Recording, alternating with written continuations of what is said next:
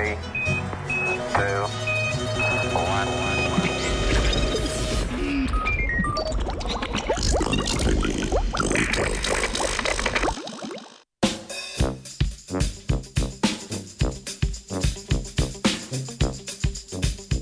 Dobro jutro. Tokrat se sprašujemo, kakšna je znanost za oglasnimi sporočili na tobačnih izdelkih.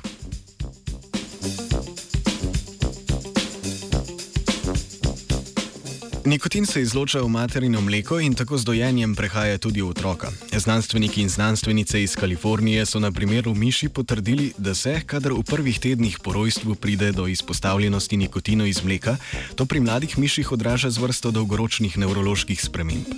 Izsledki raziskave so objavljeni v reviji Biological Psychiatry.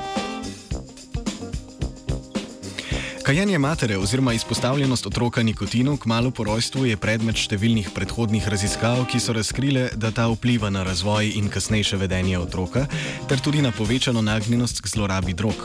Obravnavana študija pa s pomočjo mišjega modela pomaga razjasniti molekularni mehanizem in nevronsko mrežo, ki sta upletena v ta proces. Znano je, da nevroni novorojenčka ob izpostavljenosti nikotinu pridobijo tako imenovani molekularni spomin. To se kaže tako, da se na teh nevronih poveča število nikotinskih receptorjev, hkrati pa se v njih sintetizira več specifične beljakovine imenovane NUR1, ki je sicer značilna samo za dopaminergične nevrone. Ti so vključeni v na nagrajevalni sistem v možganih, iz njih se sprošča živčni prenašalec dopamin, ki izzove občutek ugodja. V raziskavi je do omenjenih sprememb prišlo pri glutaminergičnih nevronih miši in sicer v ventralnem tegmentalnem področju. To področje je sestavni del nagrajevalnega sistema, izvor ene izmed dopaminergičnih poti v možganjih in nahajališče številnih dopaminskih receptorjev. Ob ponovni izpostavljenosti nikotinu so v modificiranih nevronih tega področja opazovali povečano aktivnost in novo pridobljeno sposobnost sinteze dopamina. Pri novorojenih miših izpostavljenih nikotinu se je v odrasli dobi ob ponovnem vnosu nikotina torej sprostilo več dopamina. Tako je bil sprožen okrepljen nagrajevalni odziv, kar vodi v ojačano željo po nadaljem uživanju.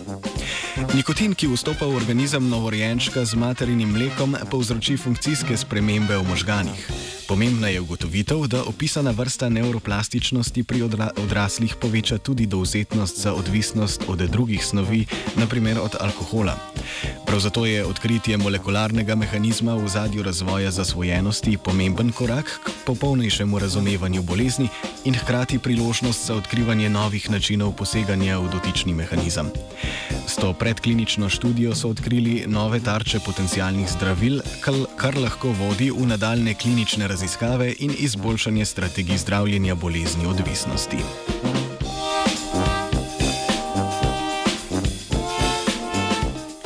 Vajenko špelo tako zanima, ali se bodo v luči katere izmed bodočih raziskav morda zamajali temelji tobačne industrije.